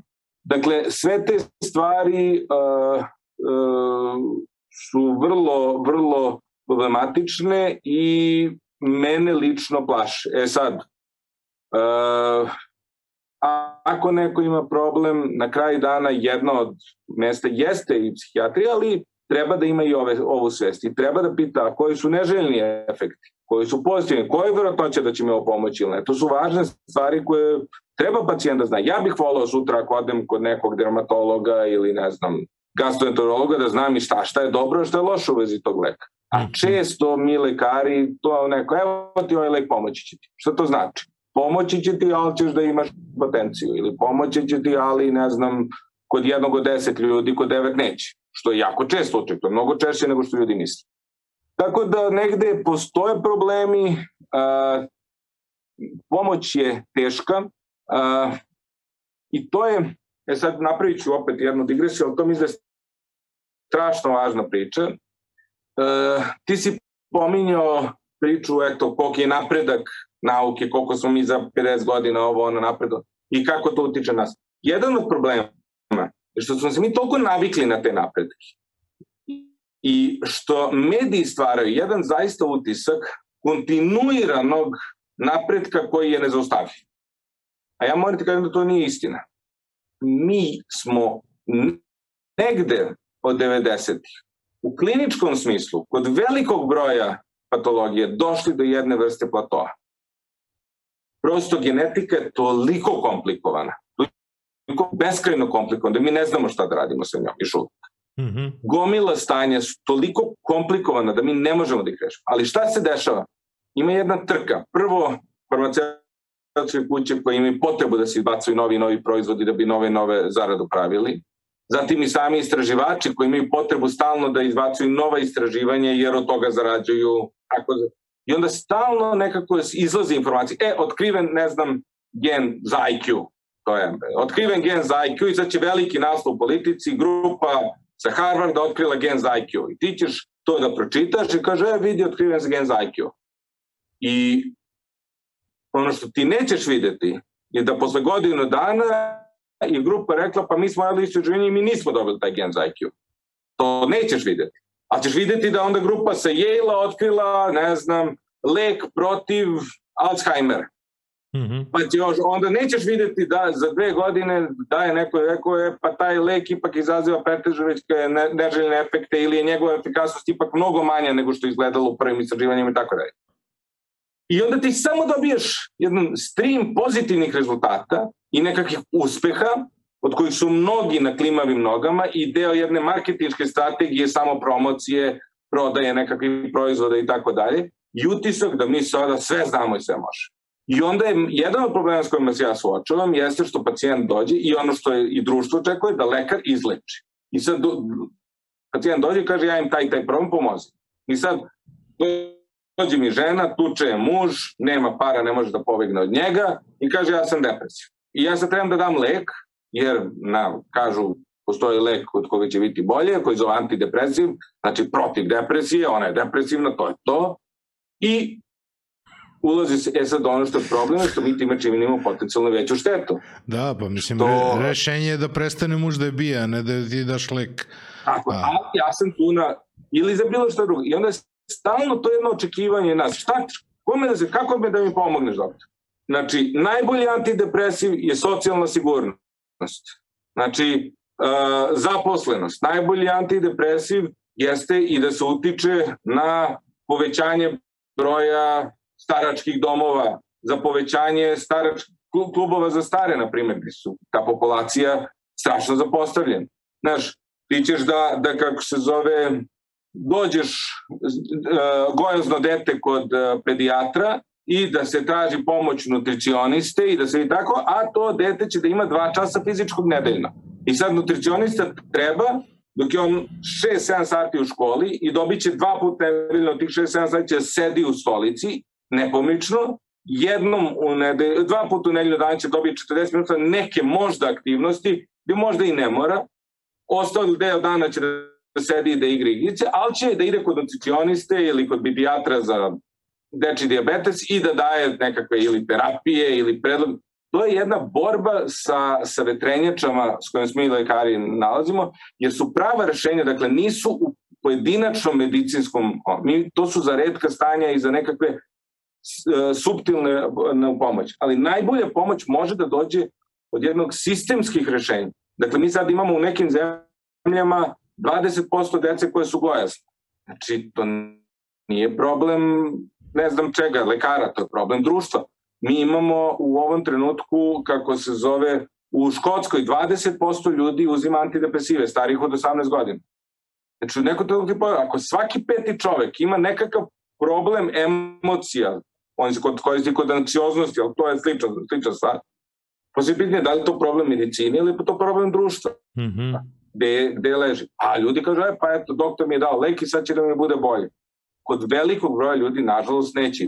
To istraživanje pokazuju jasno. I stalno udaramo u taj zid, jer se konstantno pokušava kroz biološke mehanizme i kroz uh, jedan na jedan rad sa lekarom da se rešavaju a, kompleksna društvene, kompleksni društveni problemi. I na neki način ja se često osjećam a, kao da a, se koristim kao neka vrsta alibija za društvene neuspehe. Ja, eto, ću, ti ćeš dođeš, ti si nesvećan zato što je društvo bez veze i ja ću da kažem, eto, ti nije problem u društvu, problem je u tebi, evo ti lek. A možda je stvarno problem u društvu. Možda je stvarno društvo nenormalno kao takvo ne bi bilo ni prvo ni poslednje društvo ako pogledamo kroz istoriju kako su izgledalo. Mi sa lakoćom osuđujemo neke istorijske zajednice i, i njihove kretenske tradicije i ponašanja, a slepi smo za ono ovde i sad. I uvijek mislim, pa da sada je to. Ko zna kako ćemo ovo vreme sada gledati za 300 godina i sa kakvim će užasom ljudi da pomišljaju kako su ljudi uopšte mogli da žive ovako. Da, da. A reci mi sad jednu stvar, kada se priča o medicini, jako mnogo se priča o prevenciji. I baš smo to videli u posljednje dve godine kako se pričalo o COVID-u, o tome koliko je važna prevencija da uopšte se ne zaraziš.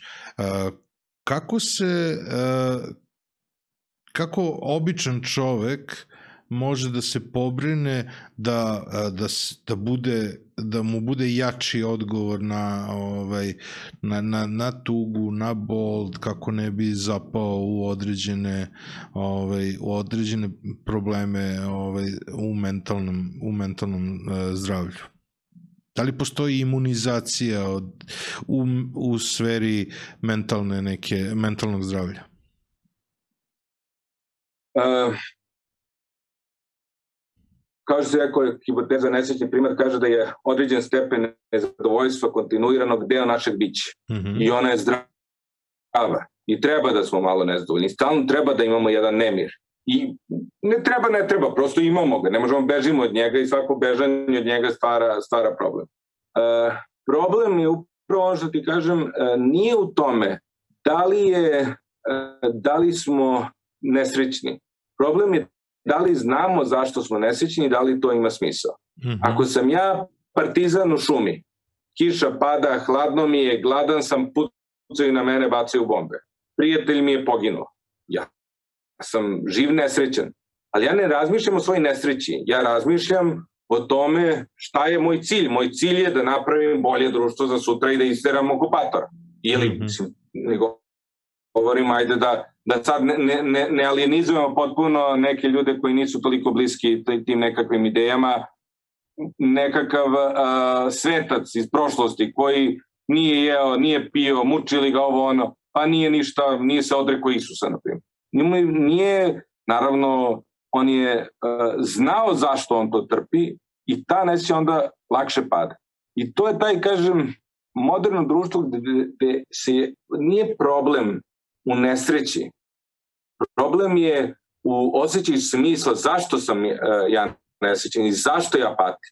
Ako ti sediš i pred kompjuterom, vrtiš nekakav Instagram, nemaš budućnost ili imaš vrlo limitirane mogućnosti u toj budućnosti, imaš uh, malo prijatelja ili ni malo, imaš teško ti je da uspostaviš kontakt s devojkom zato što su ti socijalne veštine između oslog opale, zato što ne razumeš moderne žene ili devojke koje ne razumeju moderne muškarce, koje hoće da su i samostalne, ali hoće jakog muškarca, a oni su isto i sad uplašeni. Hiljadu nekih faktora i ti sad ne znaš šta je to čemu ja težim, šta je to što ja želim od života. Ta nesreća ti mnogo teže pada. Mm -hmm. Tu imaš, eto kad pričamo o ženama, a, a rekao sam ti da savršeno znam kako, kako je biti žena. žena. ovaj, a, ti, ti imaš a, a, naše prababe koje su odgajane sa idejom ti ćeš se udati, napraviti decu i slušati svog muža. I to jeste jedna vrsta dresinga i treninga. Ja sam siguran da su mnogi od njih bile nesrećne, ali no, tu vrstu stresa su ipak mogli da podnesu. A postoji taj jedan i majčinski instinkt koji je posto biološki, od toga bežanja nema. S druge strane, mnogi dana žene su iskreno vrlo sluđene jednim društvom koje im kaže treba da budeš, da završiš fakultet, treba da budeš uspešna u poslu, trebaš da budeš dobra žena, ali ne trebaš da budeš predobra žena, ali malo trebaš i da budeš predobra žena, i trebaš da budeš, da budeš i majka i da budeš posvećena deci, ali ne po cenu da zapostaješ posao i to, je ne, to su potpuno nenormalni kriterijumi. I ta žena ne zna šta, šta od toga da stigne, ne može sve, nešto će da zapostavi ili ono što se socijalno očekuje od nje ili ono što biološki ima potrebe i tako dalje i onda naravno dolazi do problema. Ista stvar naravno i s muškarcima a, i, i tako dalje. A, tako da a, prosto imamo jednu, jednu gomilu uh, užasno teških situacija u kojima se osjeća pre svega taj besmisao. I uh, mediji koji forsiraju taj konformizam, uradi, kupi nešto i bit ćeš srećan. Kupi nešto i bit će ti super. Pojedi čokoladu, uh, kupi ove patike. Uradi, ta instant gratifikacija kao jedini model u stvari alternative koji su ovom društvu daje. E, mala grupa ljudi uh, koja može, koja ima onako nazovimo to, nisu to psihopatske crte, ali da ih tako nazovemo, psihopatske crte u kojima je samo važan lična, lična pozicija u društvu, da imaju najviše para i da su najbogatiji koji u tome uspeju, ta mala grupa ljudi, da kažemo, ima osjećaj smisla, ovi ostali se batrgaju. Mm -hmm. A koliko je taj osjećaj smisla i koliko je ta naša vrsta potrage stalno za smislom jaka, najbolje vidiš sada između ostalog kod i tih ekstremnih vokataša koji imaju slobodu izbora, Bill Gates koji odjednom se bavi, nema veze s tim, s vakcinama, Elon Musk koji hoće da ide u svemir, Bezos koji isto ostavlja Amazon. Zašto? Zato što dođe do te praznine. Uspeo zove se mi treba nešto novo, taj ne izdrž. Stalno neki cilj, smisao, nešto za čime ću da ja da jurim. Dakle, nije, uh, čitao sam negde neki, on, lik koji je napravio Microsoft, je kad je ga prodao za neke bes, besomučne pare, je svega čini se, ne znam da si to ispratio, par meseci kasnije objavio sa neke jahte da je depresivan i da mu život nema smisla. Jer je on sve prodao i sad ću ja da uživam. Život nije uživanje. Nama, život je, nama trebaju odmor i uživanje u pauzama sa, sa te borbe. A borba je život. Stalna borba. Znaš Nije stvar u pobedi u borbi. Kad pobedimo, mi smo mislimo novu bitku. Da, da, znaš onu priču ono, za, za crnu i belu kutiju? kad deda daje, ne. deda daje ili crnu i belu kovertu, svejedno. U svakom slučaju kao deda je na, na samrtnoj postelji i rešava da kao e, kaže da mu dovedu njegovog unuka i dovodi, dovode mu unuka i on mu daje belu i crnu kovertu i kao jednu ćeš otvoriti kad ti bude najteže u životu, a jednu kad budeš najsrećniji u životu. Znaš to? Ove, ne. I sad, ono, on u nekom trenutku ostavlja ga devojka, gubi posao, znači ono kao uh, arhetip tuge, znači od, dodiruje dno života i baš mu je jako, jako teško i otvara crnu kovertu i u koverti pišu dve reči, proći će. Znaš, i, o, i on kao da, proći će ovo ono i stvarno prolazi, nalazi drugu curu, pronalazi posao, gura kroz život, gura, gura, gura, znaš, posle dosta, dosta vremena, dođe na neki nivo, ono, rađuju mu se deca, tu su prijatelji, svi maksimalna sreća i rešava da otvori belu kovertu i otvori belu kovertu i piše proći će. Znaš, tako, tako da, ono, upravo ta priča to gore dole ide konstantno i imam utisak da, da jako mnogo ljudi u stvari da prvo i doživljava sreću kao, kao neka lokacija gde se stiže i gde se ostaje. Tako je. Znaš, imam utisak da to možda, to možda pogrešna stvar. E, Apsolutno. Kao, kao da, da, da je taj ceo neki, znaš, ono, da, znaš, tu, tu je stvari pitanje da li je sreća destinacija ili proces? Uh, prvo, sreća ne postoji. U tom kontekstu u kome nam se prodaje... Dobro, okej. Okay. u tom kontekstu, u to ono, e, ja sam sad srećan, hoću da budem srećan. To ne postoji. To je trenutak ja pojedem, pojedem čokoladu i posle sam ja srećan dva minuta i on sam nesrećan zato što ću da se opet gojim. Ali, e, ili rodim mi se dete, idem, proslavim, cepaju me sve, sledeći dan ja gledam da li diše, da li se dobro hrani, da li... Znači, stalna briga. A, drugo, drugo, e, urađeno je jedno interesantno istraživanje koje ima lep naziv The Paradox of, uh, of Seeking Happiness, mm -hmm. koje je baš pokazalo da ljudi koji definišu da im je cilj u životu da budu srećni, prosto tako, da su oni najnesrećniji. Da ljudi koji kažu cilj u životu mi je da imam porodicu, da budem najbolji na poslu, da ne znam, budem najjači u teretani, koji imaju konkretne ciljeve za kojima idu, koji ne moraju nužno da budu spektakularno udobni, lepi i tako dalje, oni imaju mnogo veći nivo ono, za well-being, zadovoljstvo životom od onih koji kažu hoću da budem srećen. To ništa ne znači. Jer to i jeste jedna vrsta uh, jedna vrsta stvari uh, marketinškog trika, jer je sreća nešto što se prodaje. Uradiš nešto, ja sam sad srećan. Mm -hmm. I to je mhm. nešto što ne, mi stalno tražimo, jer nam je to negde zvezda vodilja. Ono što nas čini srećnim, to otprilike u tom pravcu treba da idemo.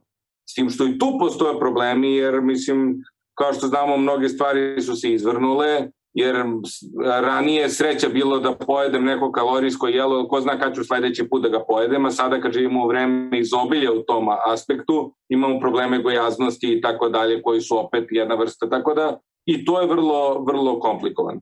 Ali, e, da, moj, ovo što ti kažeš, kako da se imunizuje, ja e, kad radim sa, sa pacijentima, od kojih kažem većina, po mom mišljenju, su normalni ljudi koji imaju probleme.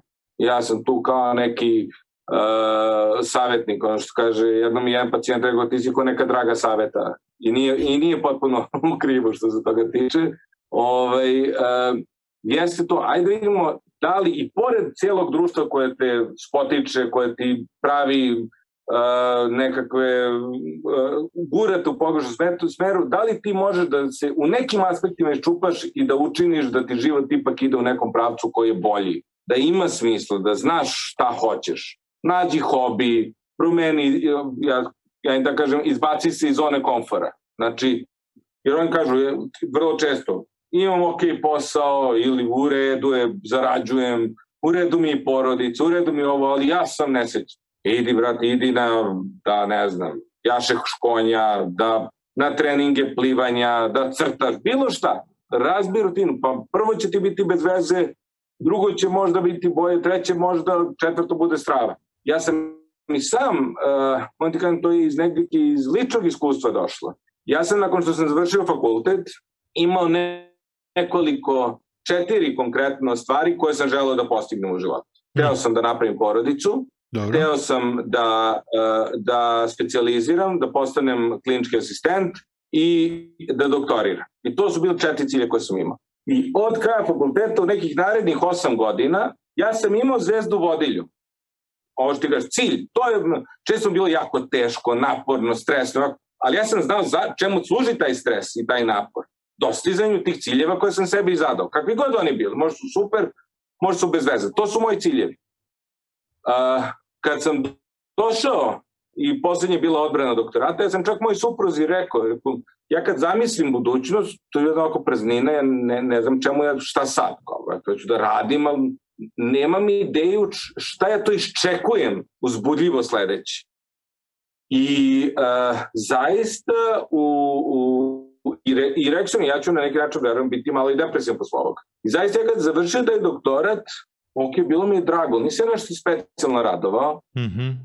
ne zbog doktorata, nego zbog da je, da je doktorat bio treći, a klinički asistent četvrto, samo bi se rotiralo, nebitno je to.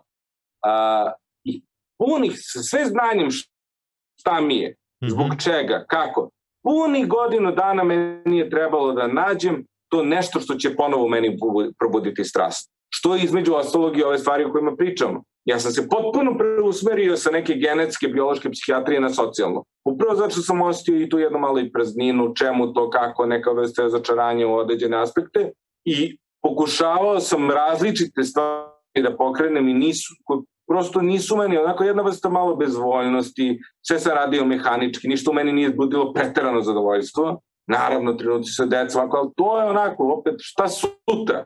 Čemu se ja nadam sutra ovako? Jedva čekam da ustanem, zašto? Ništa, da odradim dan, pa odradim ovo i tako da. Tek uh, kad sam ušao u tu neku priču, pa pokrenuo neke nove istraživačke ideje, tako, i krenulo opet uzbuđenje. Pa, aj, jedva čekam pa čitam ovo, pa ovo, pa kad ćemo da uradimo ono.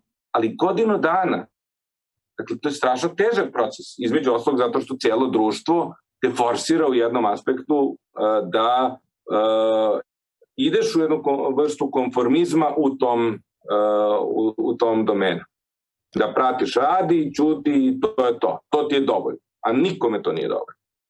A meni je još zabavno ono, sve vreme pričamo o nekoj zajednici, ali za svaku zajednicu treba da da se napravi neka inicijativa i meni tu sjajno priča o vašem klubu za breakfast club, klubu, odnosno klubu za doručak, kako ste se organizovali to. Ajde da zabeležimo i ovde. Ja mislim da je to sjajna ona insajderska priča kako je to može da se napravi zajednica koja nema neku ono ogromnu svrhu, nego ima samo prosto svrhu za kvalitetno kupljenje.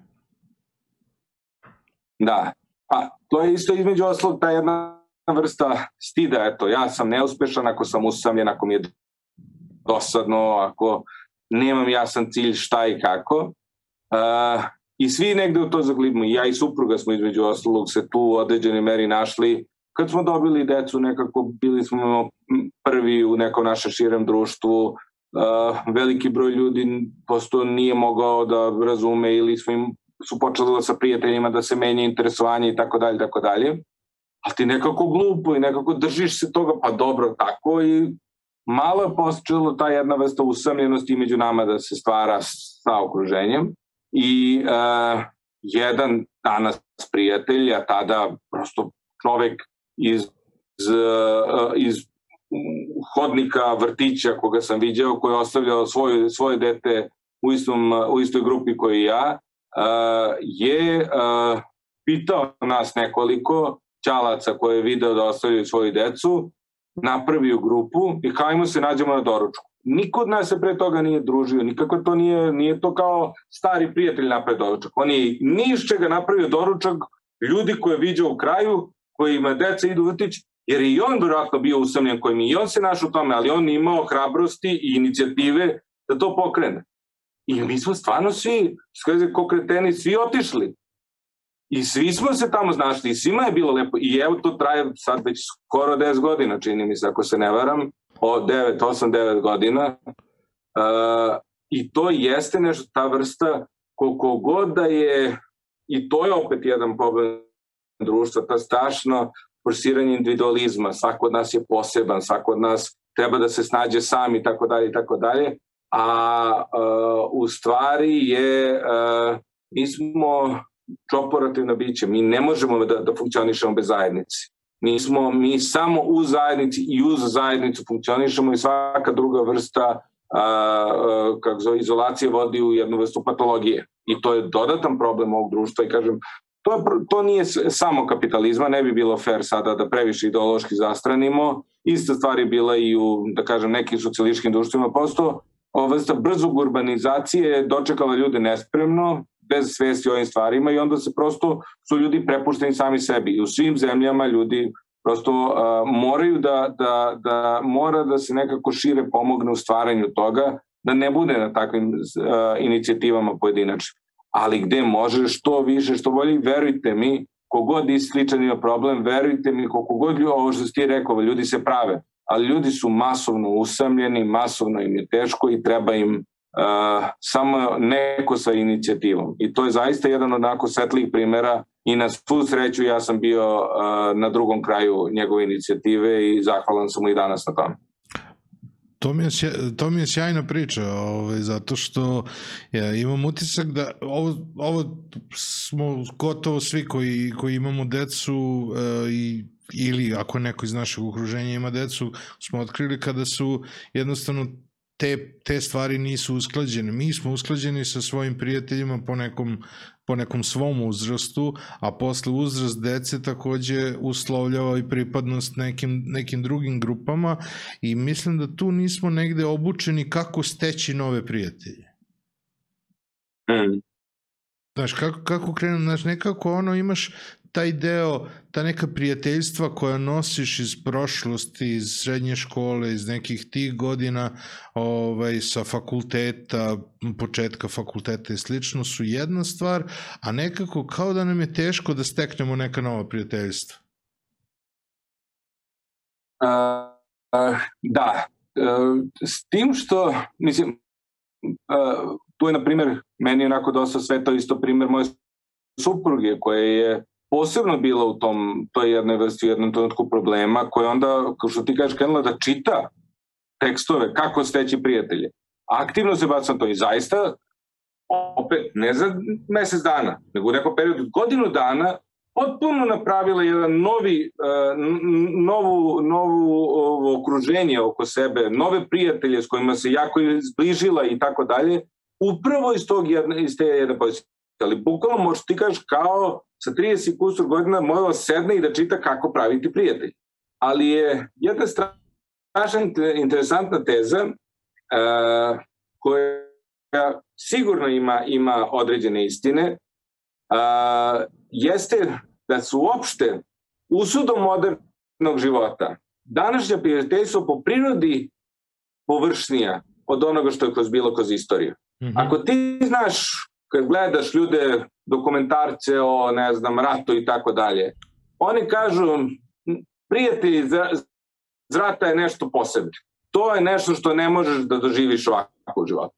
Kad ti sa nekim deliš rov, to ne može se poredi ni sa čim drugim što, što se inače u životu stvari.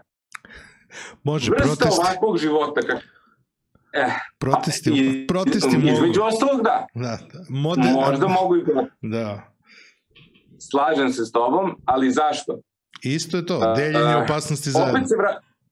Tako je. I to je opet vraćanje. Kroz celu istoriju ti si u stvari sa zajednicom svojom deli opasnost. Da li će mm -hmm. da vas doklovite mamuta ili da li će stigar da vas napade ili protivničko pleme. I ta vrsta bliskosti je bila uh, vjerojatno značajno intenzivnija nego ono gde je naša danas bliskost na nivou zajedničkih interesovanja i tako dalje. I jedan od razloga zašto su možda je teško napraviti prijatelje nije samo zato što nismo naučeni kako, već sa prirodnom procesom starenja, intenzitet osjećanja određenih dramatičnost onog što doživljamo je manja, a ti kada prolaziš, na primjer, adolescenciju sa nekim, prvo ljubav kad podeliš sa svojim prijateljem, to je verovatno isto negde na nivou, razumeš, rata, gde ti kad te odbije devojka pa si slomljen ili kada, ne znam, uh, se tučete sa suprotnom školom između ostalog i tako dalje, što se sve između ostalog ume da se dolazi, verovatno u tom periodu se zato stvaraju tako intenzivnija i ona, kažemo, prijateljstva iz osnovne srednje škole kao mnogo jača, a onda da su ona prosto sve slabije, ne dakle zbog nemogućnosti učenja, već da je intenzitet opasnosti i, i dramatičnost trenutka koji prolazimo zajedno jedan od takođe faktora koji nas bližava. I osjećaj sigurnosti zato što smo zajedno. Pa da, bravo, da, tako. Da, da, koji je veći, da. To se lepo rekao. Da. Jer kad, kad s nekim... Što pi, kad s nekim komplikuje kad, sve. Pa da, kad sa nekim piješ kafu, ono, teško da si u opasnosti bilo kakvoj. da. Dobro, pošto je počelo oluje i vidim da su nam ove, i, i slab, sve slabiji signal, a, ono što sa čim bih voleo da, da, ove, da, da završim sve ovo jeste a, kako vidiš a, kako vidiš neki način da se ljudi aktiviraju kako bi mogli da, da unaprede svoje mentalno zdravlje. Šta je to nešto, ako bi mogao ono da, da kao oni neki jednostavni, ono kao deset stvari koje, koje biste mogli da uradite ono da biste unapredili svoje, svoje mentalno zdravlje. Šta, šta bi preporučio ljudima a, koji su, a, znači koji nisu, koji nemaju a, ozbiljne probleme, ali jednostavno bi želeli nešto da urade da bi predupredili bilo kakve probleme? Dakle, uh, ne mogu deset, ali par važnih stvari. Mm -hmm. Prva stvar jeste uh, uh, da se uh, čovek negde sa sobom pro, razgovara i nađe mir u tome da uh, određen stepen nezadovoljstva je zdrav jer je upravo taj nemir, nije mi dobro, nisam srećan, znači nije dobro i to ono, to traženje sreće jeste deo problema. Drugi aspekt koji je možda i najvažniji, često pacijenti kažu čekam da mi bude bolje pa ću nešto da uradim. Ne, nego uradite nešto da bi vam bilo bolje. I mora čovek da se izbaci iz nekih rutina, mora stalno sebe da, da uvodi u neke nove radnje koje će da, da izazivaju jedan osjećaj smisla i, i zbog kojih će određene rutine života lakše da padaju. Uh, ja apsolutno uh, mislim da je politički život jedna od tih stvari. Mislim da smo mi politička bića, mislim da je strašno važno da budemo, da utičemo na naše okruženje, uh, ali nema jednog rešenja, zato što smo svi mi različiti. Neko će da trenira jogu, a neko kickboks. Dakle, i nije jedno ispravno, drugo pogrešno. Prosto su dve različite osobe i različite aspekti im treba. I tako isto ovde. Neko će da uđe u političku, da se bavi politikom, neko će da ide da se bavi spašavanjem kučića na sa ulice, neko treći će da ide da slika. Šta god da vama tražite, ali to mora da se traži. Ja kažem, eto, ja sam prilično samosvestan, prilično sam imao, znao šta će se dogoditi, pa opet mi trebalo godinu dana, ali mora čovjek da, da se pomiri s tim da je to stalno traženje nečeg novog, stalno testiranje svojih limita, stalno postavljanje novog smisla u životu i jurenje ili nekog dugoročnog, ali onda da on sačinjen i iz mnogo manjih. Jer uh, ja, na primer, imam cilj da mi deca odrastu u zdrave, uh, sposobne mlade ljude. Ali to je užasno sporo. Ja ne mogu da sad šta ću ja da radim, da, da im dijem na krevetom. Meni je potrebno i nešto moje, nešto što će da me, dakle, što ću sutra da uradim, što ću preko da uradim i tako dalje. Ovo više nadgledanje. Dakle, potrebna je neka vrsta aktivnosti, nešto što će da ima kratkoročne, nešto će da ima srednjoročne, nešto će da ima drugoročne ciljeve a, i da prosto a, ne očekuju da će im biti dobro prosto zato što se ništa loše ne dešava. I da je, mm. ili da je ne, i problem u njima što se loše osjećaju zato što a, i pored toga što se ništa loše ne dešava. Mora da se istegne čovjek, da se bori protiv, a, da kažem, struje u društvu koja tera u jednu vrstu apatije i da pokušava da pokrene svoj život kako znaju. Hvala ti puno. A, hoću, a, čim budem napravio studio, zovem te ponovo, da napravimo drugi deo jer e, totalno e, izgleda da imamo neke probleme i ovaj, u snimanju i u svemu ovome i u svetlu, tako da mislim da imamo dovoljno tema za, za još jedan, za drugi deo kada budem napravio studio, ove, ovaj, ali mislim da je i ovo e, ispolo sjajno. Hvala ti puno. Hvala tebi. Da. A vama, e, hvala što ste gledali ili slušali još podcast 1, ako nas slušate na podcast platformama, ako vam se dopao ovaj video, e, stisnite taj like ispod kako biste ovaj video preporučili ljudima koji su slični vama, besplatite se na ovaj kanal da biste dobijali redovno obaveštenje i još jednom želim da se zahvalim e, našem sponzoru Beans Espresso, Beans Coffee, koji su nam pomogli u realizaciji ovog podcasta. Hvala vam puno i vidimo se sledećeg četvrtka. Prijetno.